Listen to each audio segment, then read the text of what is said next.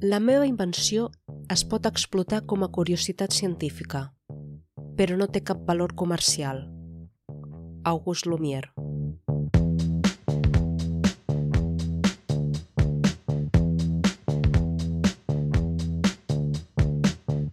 A Barcelona, les primeres projeccions del cinematògraf es van fer el desembre de 1896. Quin dia va ser la primera projecció? Podem saber qui va assistir a aquestes primeres sessions? Tenim informació sobre què es va poder veure? I també cal tenir en compte, davant de l'èxit del cinema, en quins jocs de la ciutat en podíem veure. T'asseguro que durant els primers anys van aparèixer moltes més sales de les que et pots imaginar. Llums, càmera, acció.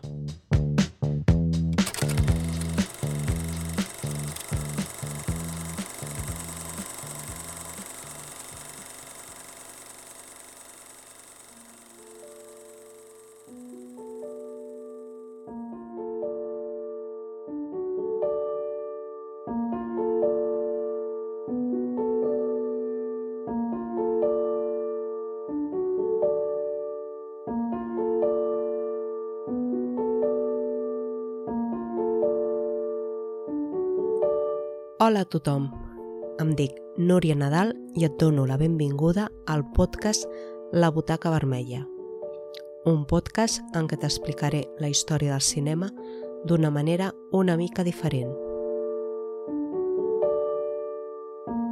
L'episodi d'avui el dedicaré a l'arribada del cinema a Barcelona i a descobrir quines van ser les primeres sales de cinema.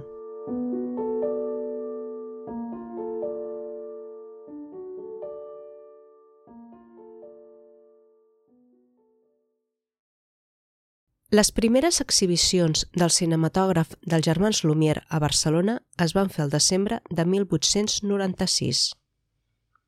Gairebé havia passat un any des de la primera presentació que van fer els germans Lumière al Boulevard dels Caputxins a París. A Barcelona, aquesta presentació es va fer a l'estudi dels fotògrafs Napoleón. Els Napoleón eren una família de fotògrafs molt coneguts i els propietaris d'un dels estudis de fotografia més famós de tota Barcelona.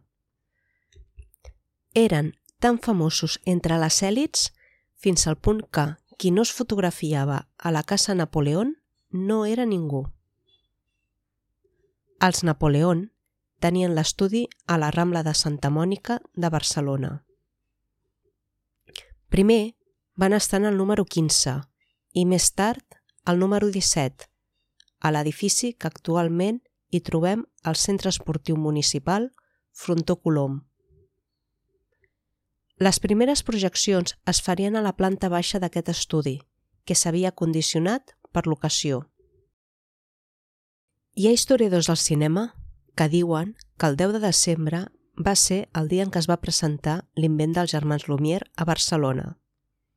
D'altres afirmen que va ser el 15 de desembre. Són pocs dies de diferència, però realment podem saber quin dia va ser la primera projecció? Rebuscant en la premsa de l'època, podem trobar les següents notícies.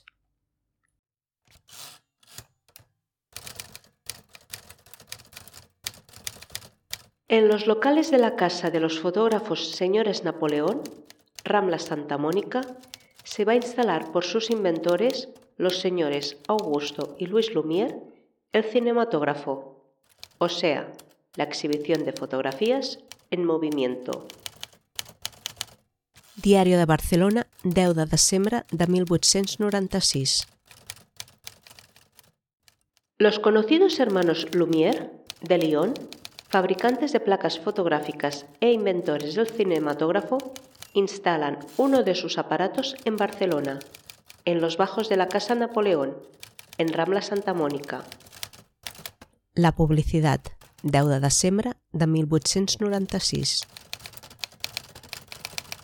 Esta noche, los señores Don Augusto y Don Luis Lumière inaugurarán en la Rambla de Santa Mónica unas proyecciones de fotografías animadas por el verdadero cinematógrafo, del cual dichos señores son inventores. La fama de que viene precedido este espectáculo és grande. Noticiera Universal, 10 de desembre de 1896. Sembla que es pot confirmar que hi havia una sessió prevista al Saló Napoleón de la Rambla pel 10 de desembre de 1896. A més, hi ha un altre detall que és interessant. August i Louis Lumière podrien estar a Barcelona i ser ells mateixos qui presentessin el cinematògraf? I el més important, es va poder fer aquesta sessió el 10 de desembre o bé ens haurem d'esperar fins al dia 15. Seguim llegint la premsa de l'època.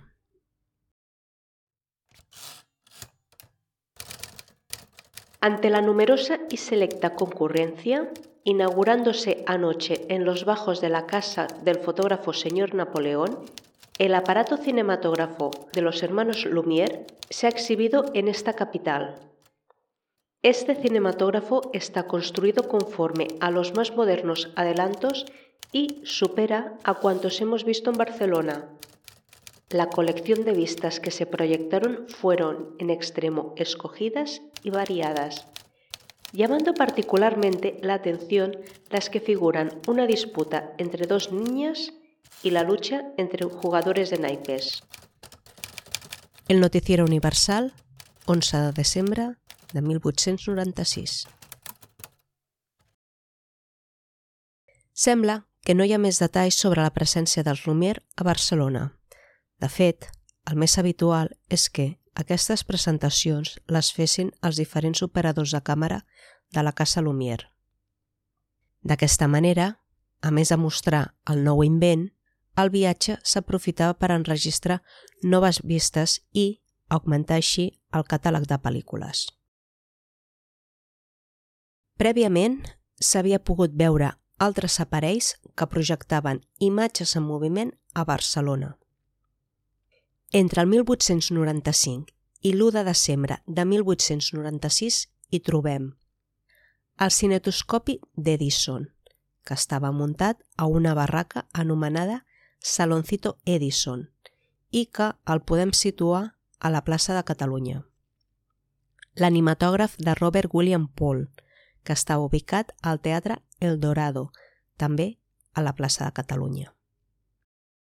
El cinematògraf de George William de Betz, aquest situat al teatre principal, i també un cinematògraf no identificat que va funcionar al Teatre Novedades. De tots aquests invents, només se'n van acabar triomfant dos, el cinetoscopi d'Edison i el cinematògraf dels Lumière. Els altres invents van tenir poc èxit i la vida d'ells va ser més aviat curta.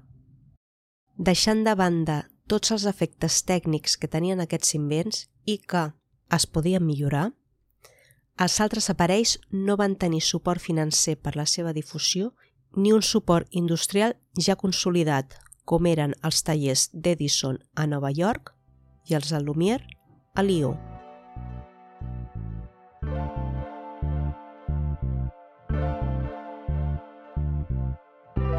Tot i que el tema és molt interessant, avui no és el que ens pertoca. Si t'agradaria que parlés en un altre capítol amb més profunditat sobre tota aquesta gamma d'invents, o fins i tot la guerra entre Edison i Lumière, recorda que al lloc web labutacavermella.cat barra idees pots votar i proposar temes pels propers episodis.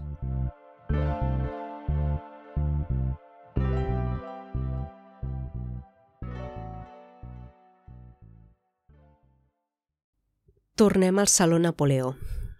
Ja hem pogut saber que la primera projecció del cinematògraf dels Lumière va ser el 10 de desembre de 1896. El més probable és que en aquestes primeres exhibicions assistissin un petit grup de convidats escollits, segurament persones de la burgesia, fotògrafs i amics dels propietaris. Així va anar succeint-se durant uns quants dies, fins que les sessions es van obrir al públic en general. Aquesta obertura es faria el 14 de desembre, tal i com en recorda el Diari de Barcelona. El próximo lunes quedará establecido el cinematógrafo Lumière.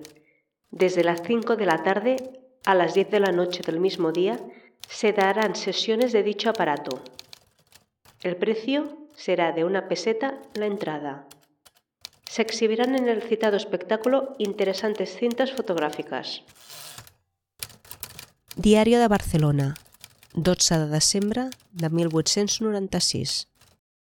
L'invent va ser un èxit.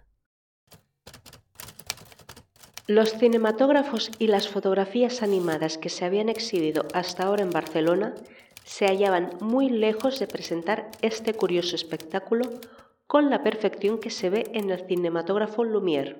Empezó a exponerse ayer tarde en la planta baja de la fotografía Napoleón, en Rambla Santa Mónica, en los anteriores cinematógrafos oscilaban los paisajes, los edificios y las figuras, causando una impresión desagradable y muy molesta para la visión. Los sets que se exhibieron producen todos un muy buen efecto dando la ilusión de realidad, sobre todo en los movimientos, gestos y expresión de las figuras que aparecen en ellos. En suma, el espectáculo del cinematógrafo Lumière es muy entretenido y revela los asombrosos adelantos que ha hecho la fotografía. Es de suponer que no le faltará público. Diario de Barcelona, 15 de desembre de 1896. A més de llegir una de les primeres crítiques cinematogràfiques de la història, en els retalls de premsa es menciona algunes de les vistes que es projectaven, com la del regador regat, l'arribada del tren a l'estació de la ciutat o la baralla dels jugadors de cartes. Però és molt complicat conèixer el contingut exacte d'aquelles primeres sessions. No només els primers dies, sinó també durant els primers mesos. Gràcies als diaris de l'època hi ha constància que hi havia canvis de programació molt sovint, però si seguim estirant aquest fil, no podem recrear cap espècie de cartellera ni de programació. Un problema que més endavant el tornarem a trobar. Los martes, jueves y sábados, según indicamos, se cambian las vistas en el cinematógrafo Lumière expuesto en los bajos de la fotografía Napoleón. Diario de Barcelona, 19 de desembre de 1896. El cinema havia arribat per quedar-se i per convertir-se en una nova forma d'entretenir i explicar històries. Encara faltaria una mica per convertir-se en la forma d'oci més popular, però poc a poc. L'estratègia del cinematògraf estava molt clara i, de fet, era la mateixa que s'havia seguit en altres ciutats, Madrid, Sevilla, París, Lió... Primer, despertar l'interès general d'un invent que revolucionava la fotografia. En aquest estadi inicial, la burgesia anava al cinema. Un cop es van apartar, el cinema va trobar el seu públic entre les classes més baixes, establint-se a fires i ambients molt més populars. De fet, era la millor forma de donar a conèixer el que es va denominar l'invent del segle. La continuïtat de les projeccions públiques del cinematògraf Lumière per part dels Napoleó es va allargar durant molts mesos. Primer, a l'estudi de la Rambla de Santa Mònica, i més endavant el paral·lel. Tot i haver afegit un fonògraf a les exhibicions i dedicar un dia de projeccions al públic infantil, el negoci no va acabar de funcionar. El cinema havia trobat altres jocs que funcionaven molt millor. Aquests petits cinemes no eren tal i com els coneixem en l'actualitat. les primeres sales estaven en el saló d'un hotel o al vestíbul d'un teatre. I les sessions de cinema eren una atracció més de fira o estaven incloses dins el programa de varietats. A partir d'aquell moment i fins al 1900 van començar a aparèixer i també a desaparèixer cinemes per tota Barcelona. Alguns d'ells van aconseguir una certa estabilitat. Bàsicament, eren locals fixos que tenien una certa infraestructura per tirar endavant un negoci que era més o menys estable. Aquestes sales, les que van continuar projectant cinema durant un període més extens, no van ser els salons de teatre, ni els hostels, ni els estudis fotogràfics, sinó que van ser les barraques ambulants, els music halls i altres sales de caràcter molt més popular. Un fet molt important va ser l'econòmic. Les entrades a les primeres sessions dels Napoleón costaven una passeta, mentre que les entrades a altres cinemes molt més modestos, com les barraques de fira, la sessió podia costar entre uns 10 i uns 25 cèntims. És impossible poder organitzar cronològicament totes les sales que van estar actives des del desembre de 1896 fins al 1900. A través de la premsa de l'època només es pot trobar alguna notícia sobre la inauguració o la seva programació, però és molt complicat poder resseguir històricament cadascuna d'elles. Algunes d'aquestes sales eren el Alcázar Espanyol, un cafè-concert situat al carrer de la Unió. Estudio Fotográfico Baró, a la Rambla dels Estudis, on actualment hi ha el Teatre Poliorama. Beliograf. Després de diversos canvis d'ubicació, finalment s'estableix a la Rambla del Centre. Més endavant, obre un altre local amb el mateix nom al Passeig de Gràcia, al costat de l'actual Cine Comèdia. Cinematògraf Colom. Va ser una de les primeres sales de projeccions estables. Tenia un aforament per unes 200 persones. Eden Concert. Un cafè-concert que estava al carrer Nou de la Rambla. Les projeccions de cinema es feien entre els diferents espectacles i actualment és un pàrquing. Teatre El Dorado, a la plaça de Catalunya número 5 alternava projeccions de cinema amb funcions teatrals.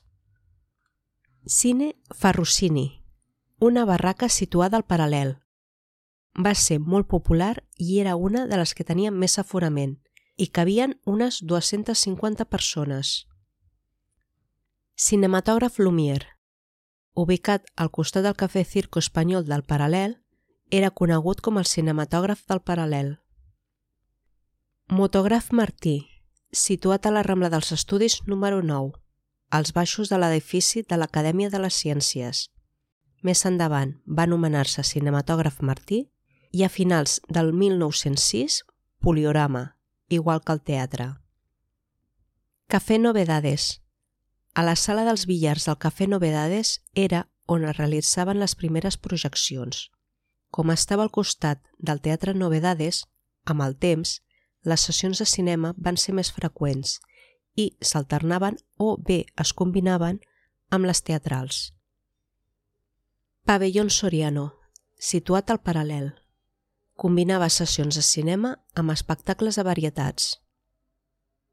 Partagàs, inaugurat pel mag Joaquim Partagàs i Jaquet, més conegut com el rei de la màgia, tenia la seva sala de projeccions a la Rambla del Centre, en resum, si sumem les barraques itinerants i els locals que projectaven cinema, encara que fos per poc temps, es pot dir que des del 1896 fins al 1900 es van fer sessions públiques de cinema en més d'una trentena de locals. I tots ells s'ubicaven a la mateixa zona, la delimitada pel paral·lel, per la Rambla i per la Gran Via. Si tens curiositat, Trobaràs el llistat complet a les notes del programa al lloc web labutacavermella.cat. Aquest gran nombre de locals era un fet extraordinari i possiblement premonitori, perquè fins als anys 20 Barcelona va convertir-se en la capital del cinema de la península. De fet, tenia tots els ingredients. Primer, l'avenç industrial i tecnològic. Segon, l'existència d'un ampli nombre de professionals, tècnics i persones obertes per les innovacions tecnològiques. I tercer, l'increment de la classe obrera, gràcies a la forta immigració que la ciutat va experimentar aquells anys. Els inicis del cinema a Barcelona és una història similar a la que va passar en altres ciutats europees i també dels inicis del cinema. A Barcelona, la primera projecció del cinematògraf va ser el 10 de desembre de 1896. Però la primera projecció pública no va fer-se fins al 15 de desembre. Un cop presentat el nou invent, les classes més acomodades van tenir interès en el cinema. Però la ràpida expansió va ser gràcies a les classes socials més populars. El cinematògraf era sinònim d'espectacle barat, estava a l'abast de qualsevol família modesta i, al mateix temps, oferia una diversió variada, còmica i fàcil d'entendre. I mira, més de 125 anys d'aquest invent del segle XIX, encara ens emocionem.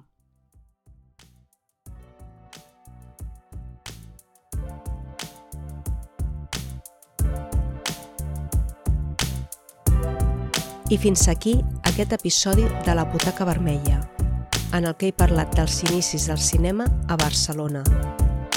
Espero que hagi estat interessant.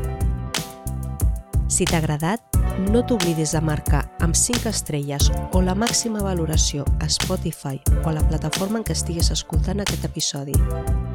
Moltes gràcies per escoltar-me i per estar a l'altra banda.